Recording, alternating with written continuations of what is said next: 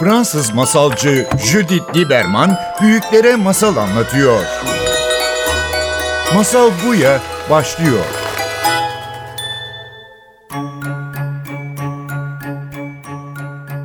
Masal Buya'ya hoş geldiniz. Bugün bizim stüdyomuzda Yeşim Cimcoz'la beraberiz. Ee, Yeşim hoş geldin. Hoş buldum. Ve benim önümde şu an iki kitapların var. Yazarak Hafifleyin ve hepsi 6 dakika. Evet. Hepsi 6 dakika en son çıkarttığın kitabı ama çok ilginç bir hikayesi var senin öteki kitabın. Çünkü yazarak hafifleyin 2014'te ilk defa çıkarttığın olan bu kitap 10 sene sonra daha yeni bir şekilde 2014'te e, Yitik Yayın Evi onu bir daha aldı ve şu an düzenli basılıyor ve üçüncü baskı e, Evet. yeniden yapmak üzeresin. O yüzden bunlar şu an senin iki çocukların ve bugün bunlarla beraber yazmaktan bahsedeceğiz.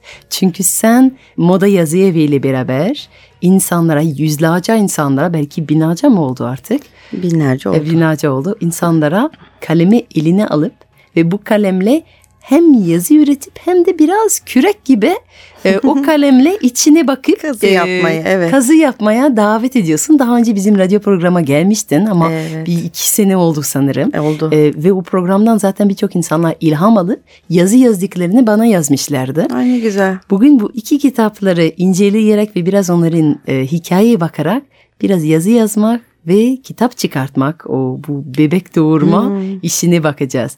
İlk önce hepsi 6 dakika. Biraz o kitaptan bahseder misin? Nedir bu Ee, 6 dakika? 6 dakika benim İngiltere'de şifa çalışmaları yazarak terapi yapan bir kadınla tanıştım. Jilly Bolton diye. Onun kitaplarını aldım, yaladım, yuttum hepsini. Sonra kendi üzerimde bunları deneyimlerken bir de bir süre onunla internet üzerinden yazıyla terapi çalışmaları yaptık. Onun hapishanelerde, hastanelerde grup çalışmaları yaparken grubu açmak için kullandığı bir yöntem 6 dakika. 6 dakika serbest yazı yani monkey mind dediğimiz hani zihin maymun gibi oradan oraya atlıyor. Ona izin veriyoruz. Maymunu takip ediyoruz.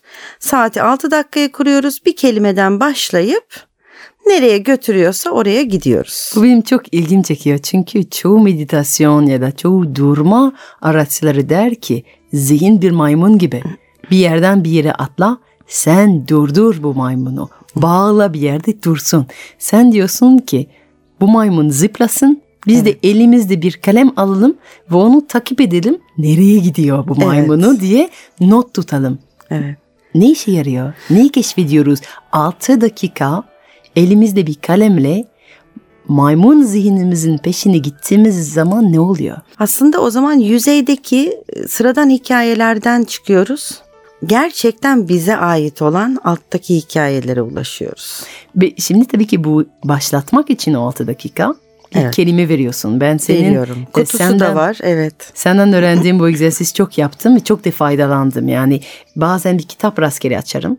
Hı, aynen. Ee, kitaba evet. e, bir kelime seçerim rastgele. Buraya koy, yaptım pencereden ve başlarım 6 dakika pencereden kelime. kelimesiyle başlar Evet. ve öyle gider 6 dakika.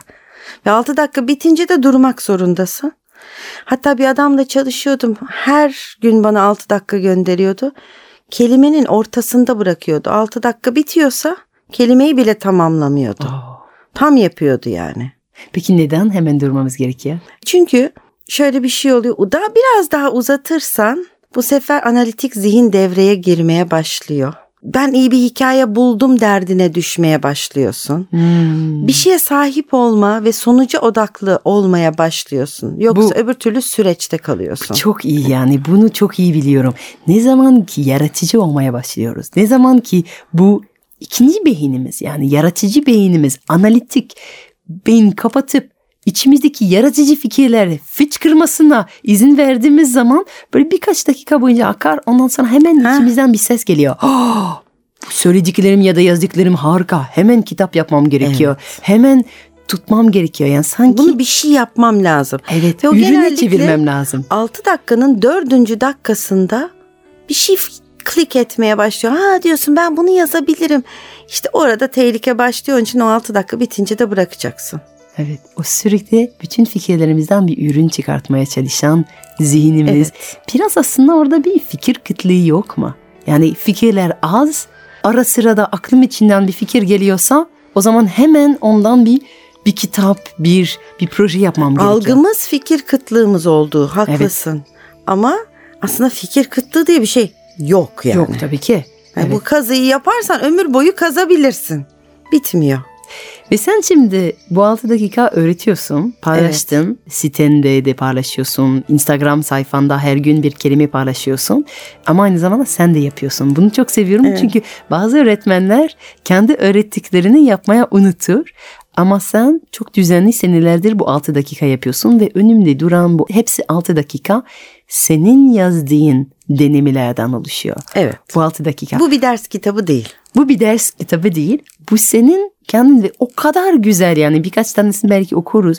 O kadar güzel denemeler ki 6 dakika ederim. çoğu bir sayfa, yarım sayfa Evet. ama bazılar yarım sayfa içinde bir roman, komple bir hikaye. Sen de onları kaç senin 6 dakikalardan çıkarttın bu yazıları? Ee, 4 sene önce blogu açtım. Her gün o bloga yazmaya niyet ettim. Her gün olmadı tabii ki.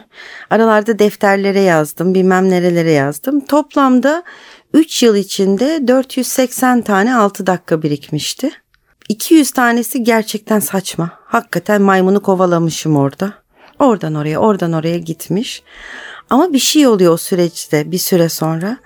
Bir gün oturuyorsun kelime alıyorsun. İstesen de maymun seni bir hikaye, istesen de istemesen de hikayeye götürüyor.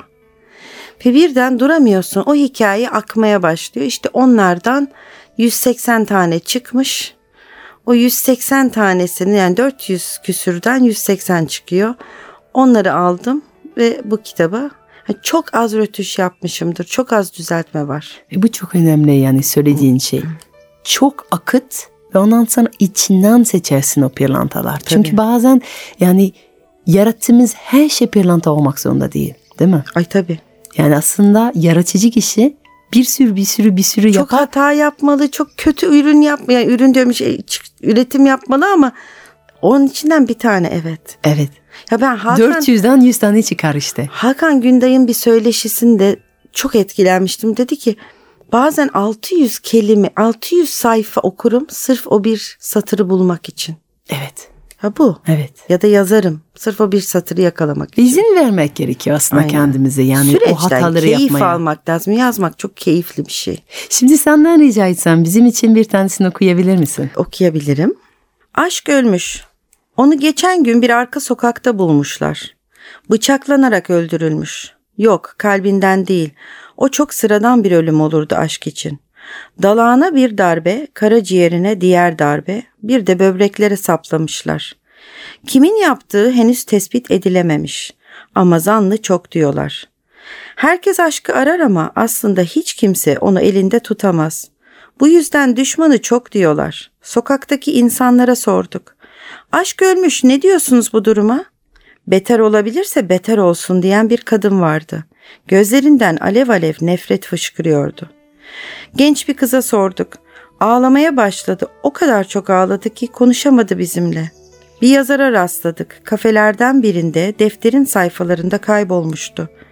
Aşk ölmüş dedik. Gülümsedi. Biliyorum dedi. Sonra yazdığı sayfalara döndü. Bir şarkı mırıldanmaya başladı. Garson kızın yanına geçtik kapıdan çıkarken. Aşk ölmüş dedik. O yıllardır ölüydü. Yeni mi buldular cesedini dedi.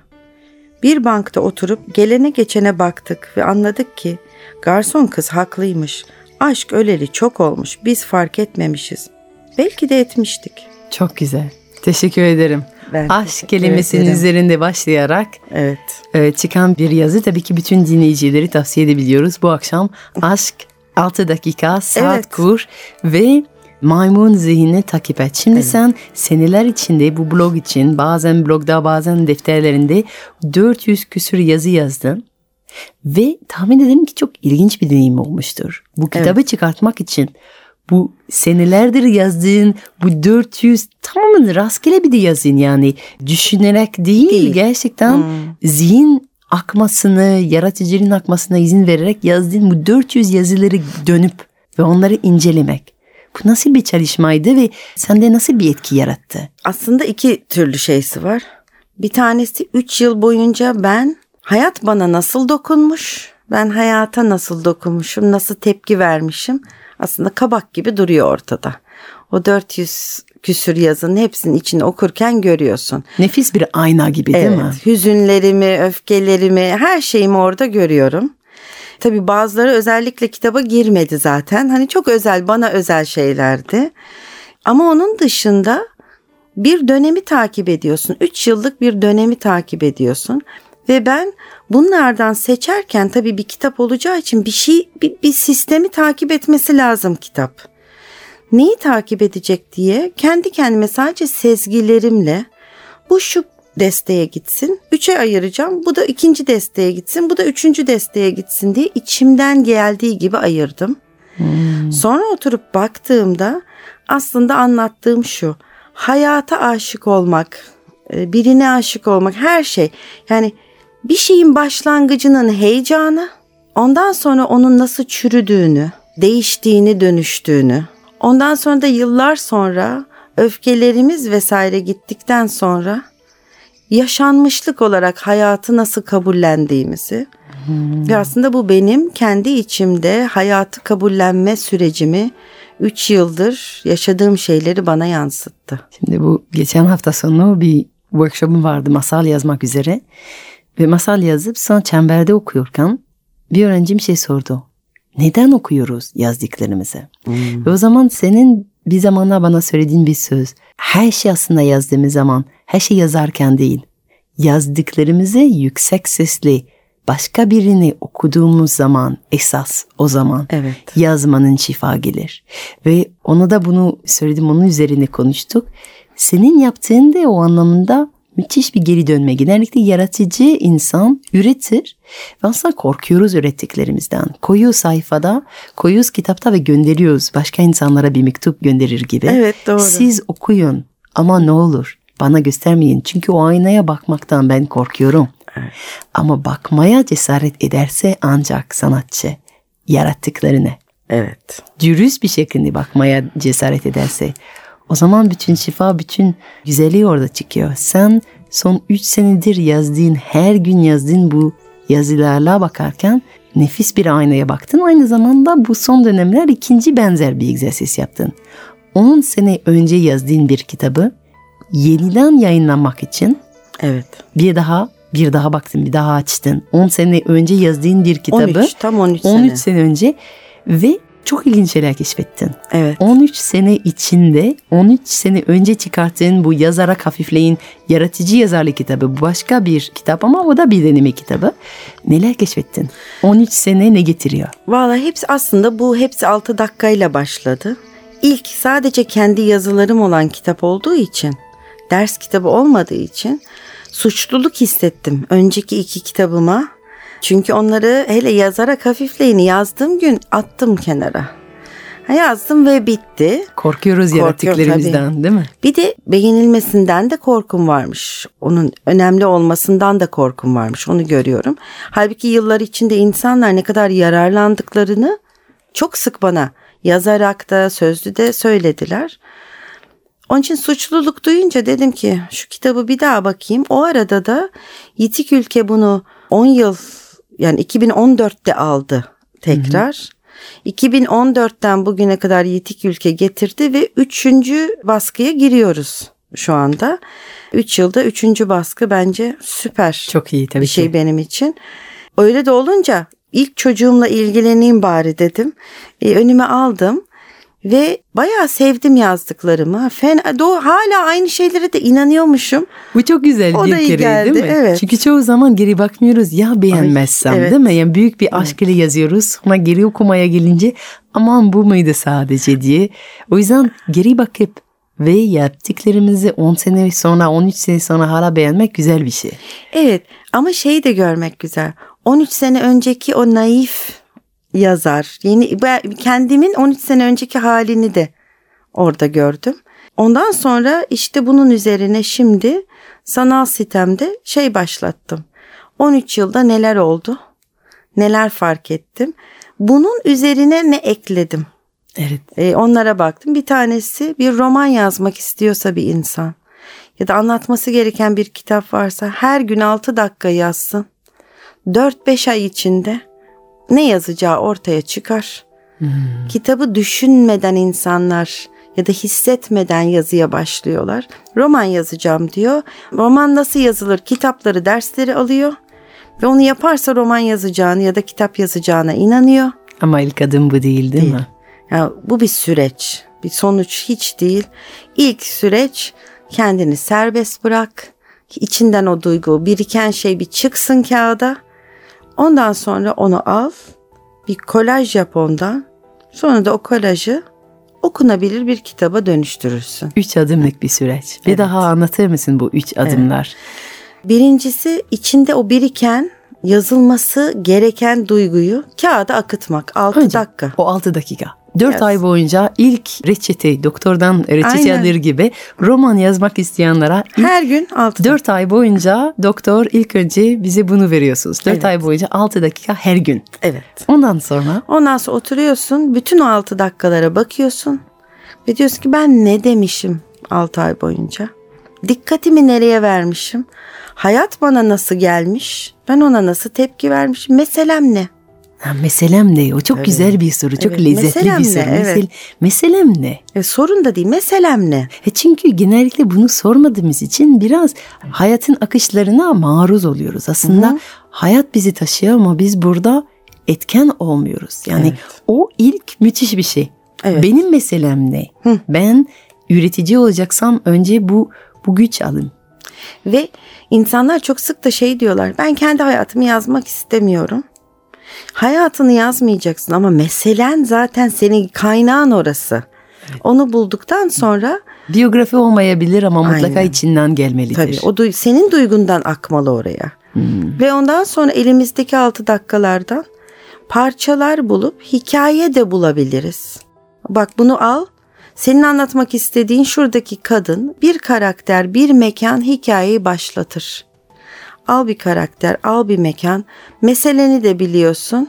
Ondan sonra yazabilirsin. Ama burada çok önemli bulduğum şey milyon sonsuz hikaye, sonsuz mekan, sonsuz karakter, Ya. sonsuz kurgu var. Ama senin yazacağın olan içinden gelmeli. Evet. Çünkü eğer senin meselenden gelmiyorsa, eğer senin kalbinden akmıyorsa o zaman güçlü olmaz. Ona güç verecek şey Evet. senin özel sesin işte direkt o kalpten. O yüzden o 4 ay, 6 ay boyunca benim meselemde ben hayata nasıl bakarım, hayat bana nasıl dokunur. Şu an hayatla, dünya ile ya içinde bulunduğum diyalog nedir? Aynen. Ona bakarsan zaten o sana hikayeyi sunuyor. Yazı yazmak neresi zor? Tekniği zor. Doğru cümleyi koydum, şunu şuraya koydum. Bunu bunlar ama bununla başlarsan acayip zor çıkartıyorsun hikayeyi. Ve biliyorum ki senin tavsiyen çok iyi çünkü seneler içinde senin tarafında her zaman bir bulut gibi e, bir sürü yazar var. Yani e, senin bu yazı evine giren çıkan hemen hemen birkaç ay içinde herkesin sanki bir kitabı ya da bir romanı ya da belki başka bir ilgi alanı üzerinde bir kitabı oluyor. O yüzden çok güveniyorum. O nedenle dinleyicilerimiz için senden bugün bu hoş sohbetin ardında son bir tavsiye alabilir miyiz? Her gün 6 dakika yazın. Her gün 6 dakika mutlaka ve ben üstüne eklerim. Hepsi 6 dakika ve yazarak hafifleyin mutlaka edinin eğer yazmak istiyorsanız. O sizin yolunuzda çok büyük bir yardımcı olacak. Çok teşekkür ederim Ben geldiğin çok için. teşekkür ederim. Çok keyifliydi. Ancak aramadığını bulursun. Ancak kaybolunca başlar.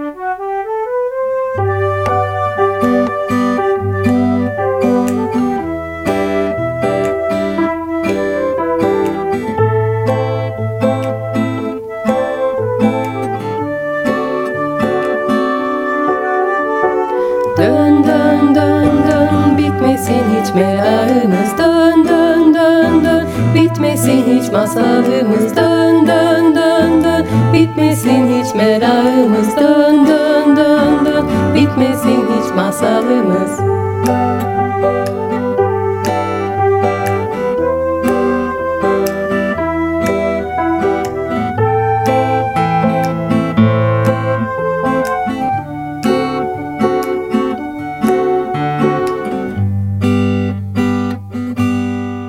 saatlerdir ormanda odun topluyordu. Birazı kendine, geri kalan köyde bir çorba ve bir ekmekle takas etmek için.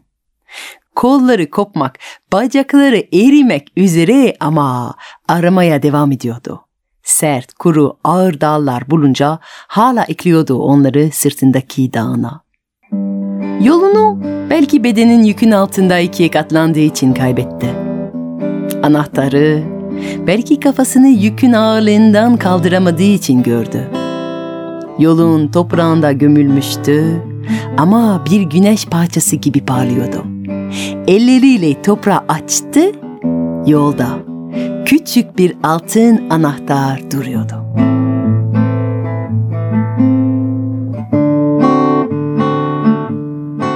Elinde onu tutarken etrafına bakmaya başladı. Burada anahtar varsa yakında bir anahtar deliği olabilirdi. Ağaçların kabuğunu inceledi, kayalara baktı, yoldaki tozları karıştırdı ve orada buldu işte. Yolun altında gizlenmiş bir kapı. Kapı kolu niyetinde demirden geniş bir yüzük ve yanında bir anahtar deliği. Anahtar içinde tam sıyırdı. Heyecanlandı. Böyle bir kapı neyi açıyor olabilirdi ki? Gizli bir mağara mı acaba?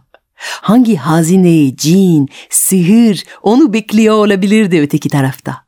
Anahtarı çevirdi ama kapı açılmadı.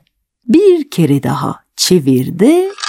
Anahtar dönerken kafasında hayaller dönüyordu. Belki gizli bir merdiven onu dünyanın öteki ucuna götürecekti. Belki peri padişahının ülkesine girişti. Anahtarı tekrar çevirdi ve bir daha başka neler olabilirdi öteki tarafta? İhtimaller kafasında uçuşuyordu.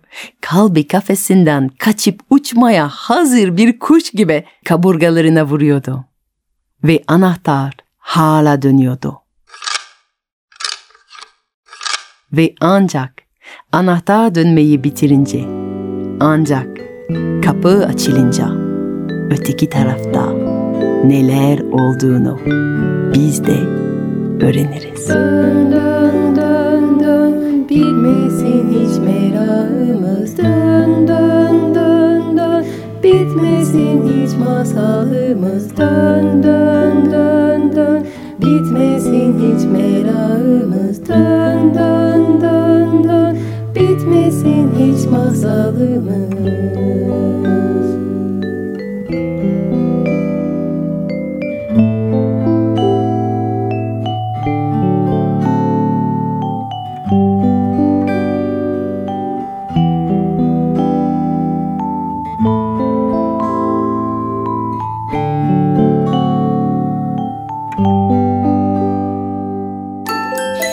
Fransız masalcı Judith Lieberman büyüklere masal anlatıyor. Masal Buya sona erdi.